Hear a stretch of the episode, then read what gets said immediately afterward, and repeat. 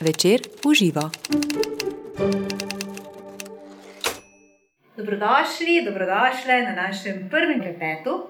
Zelo smo veseli, da lahko kot prvo, se pravi, uvodno gostjo med nami pozdravljamo pronicljivo, srčno damo, ki jo poznamo kot odlično voditeljico uh, zabavnih oddaj na televiziji Slovenija.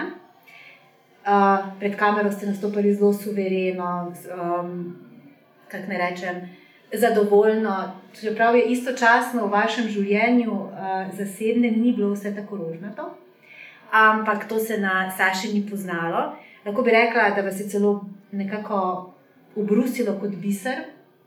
Postali ste komunikacijska trenerka in licencirana mentorica uspe uspešnosti. Um, naj povemo to, da bo Saša z nami, da bo gostja na večeru v živo 18. aprila 2019 ob 18. v Mariborski unijski dvorani, kjer bo govorila o zlatih pravilih komunikacije, pa malo o osebnostni rasti. Tako da zabeležite si ta termin v svoje koledarčke, da vam potem ne bo žal. Karte pa dobite v prizitku večera in na eventu. Saša, rekla sem, da ste imeli eno tako težko življenjsko izkušnjo, ki bi marsikoga ohromila, vas ni. No, a ni zanimivo to, kar razmišljam, ko rečete, težka življenjska izkušnja. Ja. Se mi danes zdi, eh, se ni bilo tako grozno, kaj pa je bilo tako težkega. Mm, Ampak to je, to razmišljam na tak način danes, ko je že pač deset in več let od tega. Ampak takrat, ko se nam pa nekaj dogaja, kar je težko, je pa res težko. A, Kako se v bistvu dojemanje teh stvari, ki jih dajemo v življenju skozi, kako se a, to spremenja. Tudi, ne? In ja, je bilo težko, ampak, ampak v bistvu pa se mi zdi danes, kot da sem rabila eno tako izkušnjo a, nečesa, zato da se zavem pravzaprav sploh vrednosti življenja, tega, kako uh, je to dar, kako je to življenje ena stvar, s katero moramo lepo ravnati. Predvsem namigujem na to, da veliko krat ne ravnamo lepo sami s seboj. Um, in nas potem malo življenje s kakšnimi stvarmi prisili v neko delo na sebi, v razmislek o svojem načinu razmišljanja in predvsem o svojem odnosu do sebe. No, in to se mi zdi, da se je zgodilo tudi z mano in sem zelo hvaležna za te izkušnje, zato ker me je res obogatilo, no, tako kot ste lepo rekli. Ne, zelo bruslo, tako, oh! ne, uh, res velikrat nas te izkušnje no, naredijo boljše, modrejše, um, bolj mogoče tudi sočutne do drugih, bolj razumevajoče do drugih ljudi. Zato, ker če sem pa tudi kaj se naučila, je pa to, da nihče, skoraj nihče, ali pa ga ne poznam, da bi vse čas mu bilo samo lepo, da vsi imamo svoje zgodbe, eni takšne, drugi drugačne. Je pa vsaka zgodba za tistega, ki jo doživlja v tistem trenutku, težka in najtežja. Pravzaprav ste vi potem ostali sama s petimi otroki. Kako je v bistvu vzgajati mm, iz dveh gnezdic otroke? Uh, ravno to, da nikoli nisem razmišljala o tem, mm Mhm. -hmm. da so otroci iz dveh gnezd. Uh, za me so vedno bili iz enega gnezda, in tudi otroci med sabo nikoli niso imeli tega občutka, da so kaj drugačni. Ali pa uh, da so različni, zato ker ne, uh, imajo pač razli, dva različna očeta. In nikoli ne bom pozabila enega dogodka, ko je enkrat prišla hčera, najstarejša, zdaj je 24 let, že stara. Bila je še v osnovni šoli in je prišla domov, jezna, jezna, in sem rekla, kaj pa je. Prav, veš, ena moja sošolka me je vprašala, kako je pa kaj tvoj polbrat. In sem ji povedala, da jaz nimam nobenega polbrata, da jaz imam brata, ki ga imam rada kot celega, in on je cel in ni pol, in da nikoli več ne, ne reče kaj takega. In meni je bilo tako lepo, ko je ona to rekla in ko sem čutila res in sploh zdaj tudi, ko vidim to ljubezen med njimi. To se mi zdi, da je nekaj, kar je najlepše. Ne vem, če še kaj lepšega lahko doživiš no, v zvezi z otroki in družino, kot to, da vidiš, da, da se imajo radi med sabo, da se skregajo in se stepajo in vse, ker so normalni otroci, ampak um, da imajo to povezanost. no. Naravno, to sem vas hotela vprašati. Um, kaj si kot mama želite, kako, pos, kako sled pustiti na svojih otrocih? Joj, Kdo um, to? Ja, um, predvsem je zelo pomembna stvar, na katero zelo pazim, ta, da jim nekako dam ta obč- občutek odgovornosti. Odgovornosti za to, kaj se jim v življenju dogaja. In da ne kaže, tršica je kriva, da imam ne vem, cvek, ne, vse je dobro, jih nimajo cvekov, no, hvala Bogu, ampak če že se zgodi, kaj je tacga, ne, da ni kriva tršica, da ni kriv sistem, da ni krivo nič, ampak da je vsak za to, kar se nam dogaja, soodgovoren. Uh, in jim rečem, gledaj, a si se učila dovolj, a si se učila za pet? Ne. Torej, ni kriva učiteljica, ampak si se ti odločila, da ne boš se naučila za pet. Torej, to sprejemanje odgovornosti, ker vidim, da zdaj delam veliko delavnic po podjetjih.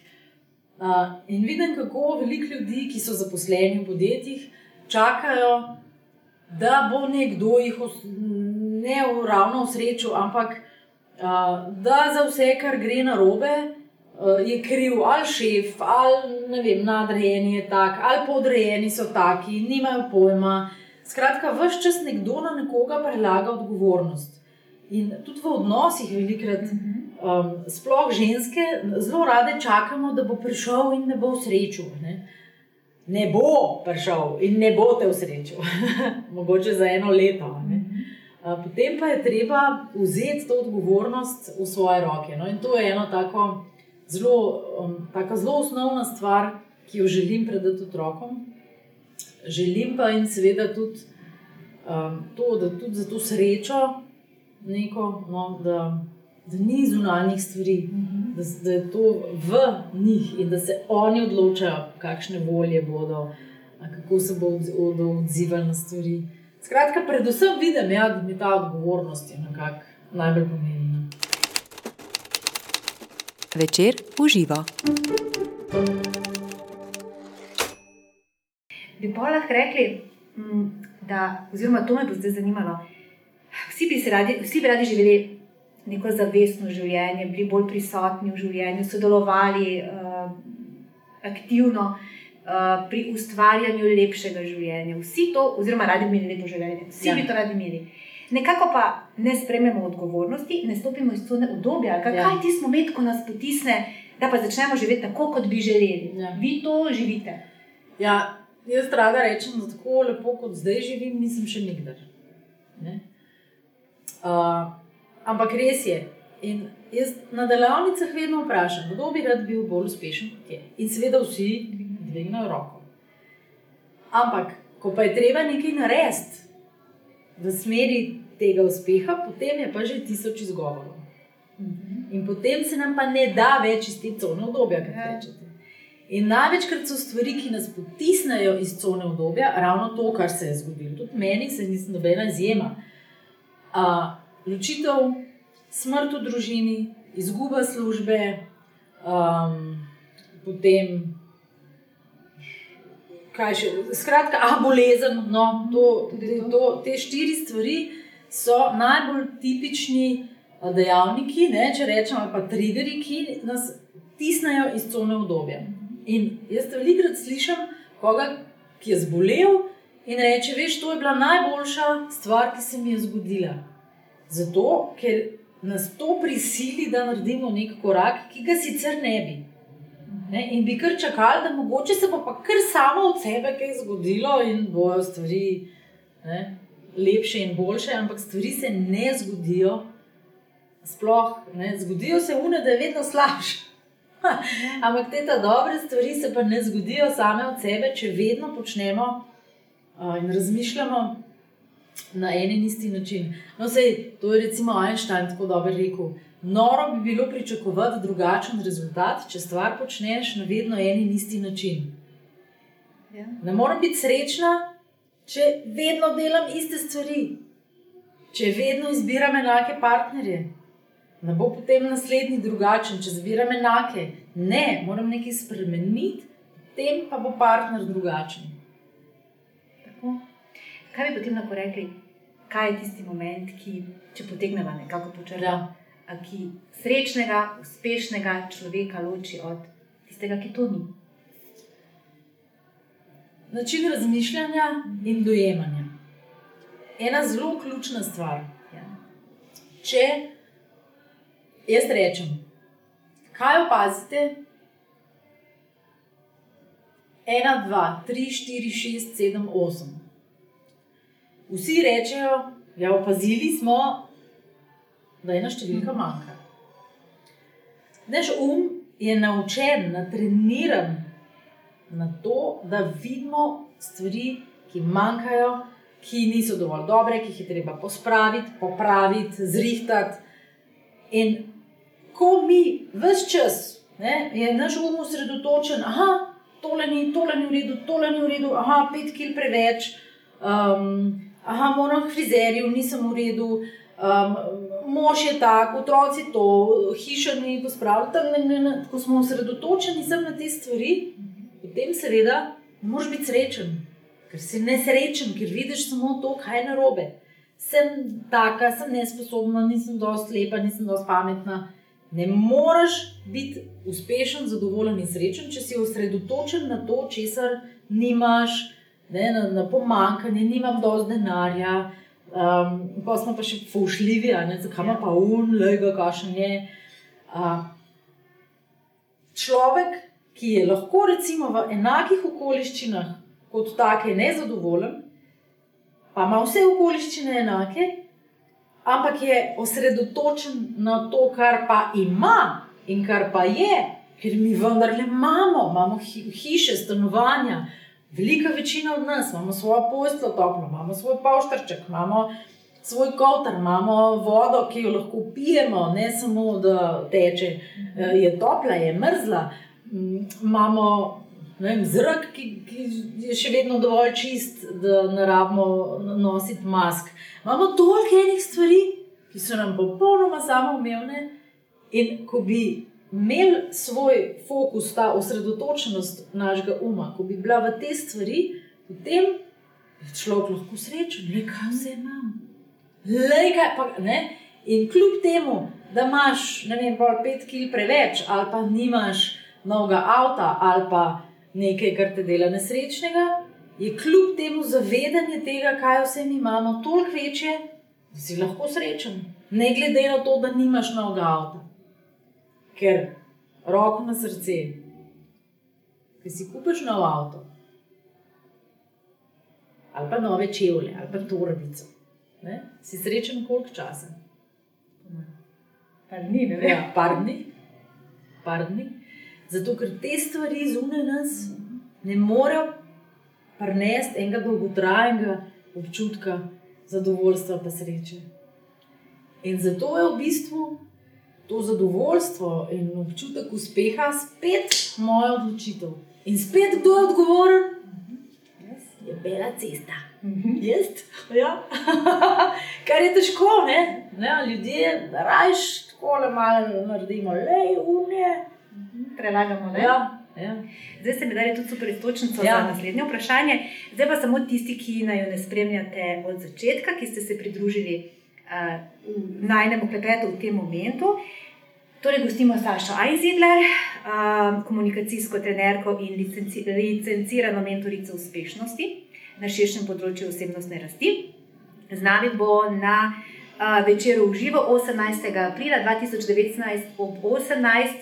v Unionski dvorani v Mariboru. Um, z njo bo tudi um, Aleš Lisac, marketinški guru. Nastopila pa bosta uh, na dogodku pod, pod naslovom Trening zmagovalcev.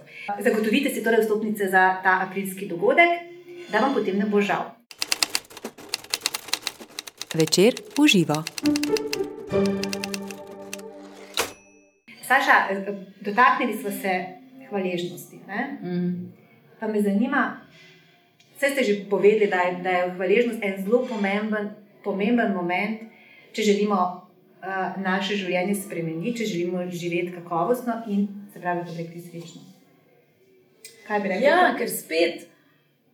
Um, če se navežem, ne, uh, če sem jaz osredotočena na vse, kaj je narobe v mojem življenju. Ja. Potem, seveda, sem na tej svoji notranji čustveni lestvici zelo nizko. In jaz se veliko tako pohecam, ne pa tako malo bolj tehnično, plastično poskušam razložiti. Če jaz hočem poslušati en radio, no ima radio Maribor, recimo, in je na frekvenci 90, potem ne morem hkrati poslušati no, vem, radio kjer je še kaj v teh le koncih. Uh, vem, ta novega večerovega radia, ki mogoče bo, je pa na frekvenci vem, 150. Ja. In jaz bi rada poslušala to na 150, ampak če imam pržgano ne, tole frekvenco, ne morem hkrati poslušati tistega, ki je na drugi. In zdaj, seveda, če je hvaležnost zelo visoko na tej lestvici, so tam te lepe stvari. Ne? Tukaj je ta ljubezen, tukaj je to, da cenimo stvari, da cenimo življenje, da se zavedamo tega, da, da imamo dar, da, da življenje samo je že tako dar, da bi že samo zaradi tega dejstva lahko zjutraj se zbudili, da oh, še imam življenje. Um, in ko delujemo in razmišljamo na teh 150, ne, recimo, frekvencah, takrat tam so te ta lepe stvari, ko srečujemo fajn ljudi, ko um, imamo dobre posle, recimo, če smo podjetniki, ko vsi plačujejo naše račune, ko jih izstavljamo, uh, ko imamo lepa partnerstva. Ko smo zadovoljni sami s sabo, ko smo zdravi, ko si lahko gremo kupiti kakšno lepo obleko, gremo na potovanje, skratka, te ta lepe stvari, ne, ki si jih v bistvu večina želi. Ampak če smo osredotočeni, pa torej poslušamo ne, radio na frekvenci 50, recimo, tam pa ni teh lepih stvari, tam so pa težave. Pa vedno gneča na cesti, pa nikoli ne dobim parkirnega prostora, če zdaj malo banaliziram. Ali pa so taka partnerstva, ki me ne osrečujejo, ki me delajo sam še bolj nesrečne. Ki, skratka, tiste stvari, ki jih pa nočem. In zato je to cenjenje in zavedanje daru življenja tako pomembno, ker nas dviguje čist na eno drugo raven. In tudi, ko sem jaz v tej pozi cenjenja in hvaležnosti, ko se v službi zgodi ena neprijetna stvar, to ni konc sveta. Jaz sem nad tem nekim malim problemom, ki se bo itak rešil, pa kaj, dva dni smo malo živčni, ne v službi, ampak se zaradi tega ni konc sveta. Jaz ne bom umrl, če naredim eno napako v službi ali pa če se ločim, ni konc sveta. No, to, uh, ravno to me zdaj zanima. Super se dopolnjujeva, mislim, da ja. smo usklajeni, miselno, ja. mentalno, ker sem hotel pravno to vprašati. Veliko ljudi si verjetno napačno, no zdaj boste to vi meni povedali, ja. predstavlja, da neko tako izpolnjeno življenje pomeni življenje brez težav. Huh. Ampak vi ste že zelo lepo to nakazali, ja. kaj to pomeni. V bistvu, v bistvu je tako, da recimo v nekem hipu, zdaj ko jaz že toliko let ne, treniram svoj um, da vidim lepe stvari, da se mi dogaja res super, da sem si uredila in odnose. In z bivšimi, z bivšima partnerjema, in imam krasnega partnerja, zdaj čudovit odnos, tako da sploh nisem si nikoli mislila, da se mi lahko to zgodi in sem neskončno hvaležna. In imam super otroke, imam svoje podjetje in delam v življenju to, kar rada delam. Imam delavnice in zaslužim dovolj, da lahko otroke peljem na počitnice, na potovanja, gremo in imam lepo hišo v naravi. Skratka, ah, ampak še vedno se mi pa zgodi, da mi pride nasprot kakšna težava. Ne? In zdaj, od mene je odvisno, kako bom jaz zdaj to težavo videla.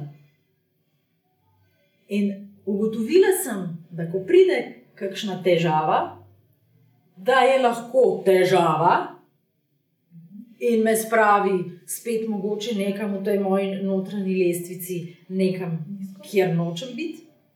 Ali pa rečem, aha, kaj mi zdaj ta težava sporoča? Aha, tega nočem, kaj pa hočem. Težave, ki se pojavljajo, so v bistvu kontrast tistega, kar si želim. In je torej samo en pripomoček, da jaz lažje ugotovim, aha, kaj si pa želim.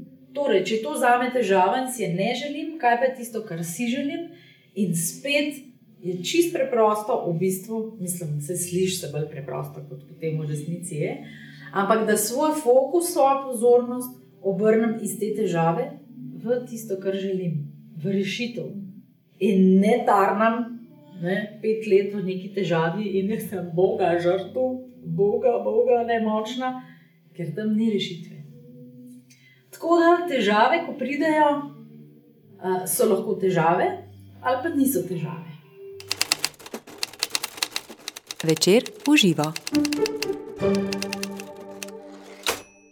Se pravi, da drugi ljudje, ko, oziroma koliko so zdaj pomembna mnenja drugih ljudi za kakovost našega življenja? Ja, prav čisto nič, v resnici. Ja. Ampak mi preveč dovolimo, da ta mnenja drugih vplivajo na nas ta vzorec, kaj si bodo pa drugi mislili, kaj bodo pa drugi ljudje rekli, je ne samo med slovenci, no, ampak tako med ljudmi. Tudi vidim, da drugot po svetu, ko grem, zelo, zelo močen. In kolikrat mi nečesa ne naredimo, zato ker nas je strah, kaj bodo rekli drugi. Kolikrat naredimo nekaj, česar ne bi in si ne želimo, zato da ne bomo izpadli grdi, nesramni, kolikrat ne rečemo ne. In gremo v svojo škodo, zato da ne bodo si drugi nekaj mislili o nas. In jaz sama sem imela zelo močen ta vzorec, zelo močen. In sem imela zelo dobro šolo, da sem se začela malo znebiti, zne, zne znebivati, ker je to daljši postopek ja. ne, tega vzorca ko eh, sem enkrat prišla domov iz enotedenskih počitnic, prvič odkar sem, imam otroke, sem takrat šla na počitnice, brez otrok za en teden. In ko sem prišla domov, zagledam sebe na naslovnici. In naslov je bil, ali je Saša Einzitler res slaba mama. In seveda to je nekaj, kar je šlo direkt in naravnost meni v srce in v mojo največjo vrednoto, to je moja družina, moji otroci. In, in me je zadel tako močno, da sem mislila, da bom kar umedlela od, od hudega, kaj. Potem, seveda, sem listala v revijo in sem videla, da ne, vse skupaj uh, nič, ampak naslov, naslov me je pa zelo prizadel. Um, in res sem začutila, kako sem začela razmišljati, kaj si bodo ljudje zdaj mislili, kakšna mama sem jaz, pa kaj si bodo mislili, da sem zdaj pa slaba mama. Uh, potem je pa ena prijateljica, ki sem ji tarnala, ne, rekla: Saša, kaj ti misliš, kakšna mama si ti? Sem kaj, ja, meni se zdi, da sem jaz dobra mama. No, veš, meni se tudi zdi, da si dobra mama. Kaj pa ti misliš, kaj pa tvoja starša misli, kakšna mama si?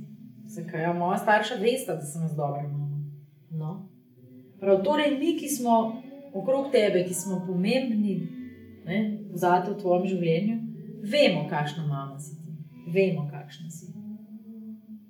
In kaj potem, če nekdo, ki ga sploh ne poznaš, misli drugače, kaj to, kakorkoli sploh vpliva na te, ne vem ne vpliva, no torej. Ampak to je zelo zahrbten in zakorenjen vzorec, ker smo vsi radi všečni. Ne? Ja, narava, ne? Um, in v bistvu, manj ko se obremenjujemo s tem, kaj si drugi mislijo, bolj smo neugodni za okolico. bolj smo neugodni za okolico, ker se jih ne pustimo več. In okolici to ni všeč. Okolica ima rada vpliv na nas. Tako, da vodi ne, oblikuje Ja. svoje. Ja. Uh, Saša, no, zdaj, vi ste tudi, uh, pa se v bistvu to je tudi uh, nadaljevanje tega, kar smo zdaj govorili, ste komunikacijska trenerka, pa me zanima, kako pomembna pa je komunikacija za kakovost našega življenja. Ja, zelo. V bistvu, v bistvu najbolj pomembna komunikacija, ki ima direktno povezavo s kakovostjo našega življenja. In prva in osnovna stvar. Je komunikacija, ki jo imamo sami s sabo. To je osnova vsega, kar se nam dogaja v življenju. In tako zanimivo, da potem, ko sem nehala z delom na televiziji, pa ko sem že trenirala ljudi z, javno, z javnega nastopanja in tako naprej. In sem se potem že to malo naveličala, pa sem se podala v te bolj ne, vode, osebne rasti in tako, in se nekaj ne bom s to komunikacijo se več ukvarjala. Ne. A glej ga zlomka, v bistvu sem, ker sem naredila ta krok, spet prišla nazaj na komunikacijo in tukaj sem spet, ker to je osnova Vsega. Ja. Se pravi, če so kratki stiki oziroma komunikaciji, m, š- šumi v komunikaciji s samim sabo, Imam šume tudi z okolico. Tako, tako, In spet se gre odgovornosti zopet na meni, vse se vse Ja. pri tem začne in konča. ne? tako. Ja. Um, zdaj se pa naj pogovor izteka počasi, škoda. ja, Je pa vas povabim in povabim v, na, v druženje v živo. tako. Um, ravno na tem druženju v živo sem razmišljala, da bom govorila uh, v bistvu o, o tej naši komunikaciji, prvi, ki jo imamo, sami sabo. Da uh, vam bom povedala nekaj več tudi o tem, da smo ljudje različni, da se različno odzivamo in da lahko v bistvu ljudi, na, če zelo na grobo rečem, ne, na štiri različne tipe razdelimo. In če mečkeno vemo, kakšen tip je kdo od teh, ki nas obkrožajo, nam je bistveno lažje, um, bistveno lažje komunicirati, bistveno lažje jim je povedati kakšne stvari, bistveno lažje eh, je to razumevanje med nami. Jaz sem uh, prav konkretno analizo ne, naredila svojim starejšim trem otrokom. In čeprav sem njihova mama in sem z njimi od rojstva in jih poznam kot lasten žep, mi je ravno ta, to ne, znanje in vedenje, da vendarle pa smo različni ljudje, da- odprlo še ena nova spoznanja. A ja, se veda, zato ima hčera pospravljeno sobo vedno, vse svinčnike zložene, v razpredelnicah, vse ne, um, tako zelo Pošlihtano. Sin razmetano mizo do konca, vse papirje, kako imaš lahko tako, kako. Ne? In moje vprašanje, ali res sem tako različno jo vzgajala? Ne, nisem.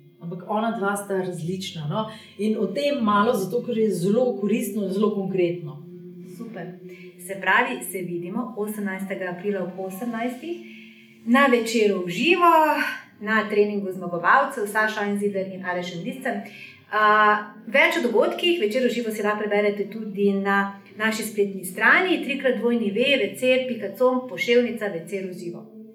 Hvala, Saša, srečno ja, in Se veselim. Tako, in se kmalo vidimo, srečno. Alijo. Večer uživa.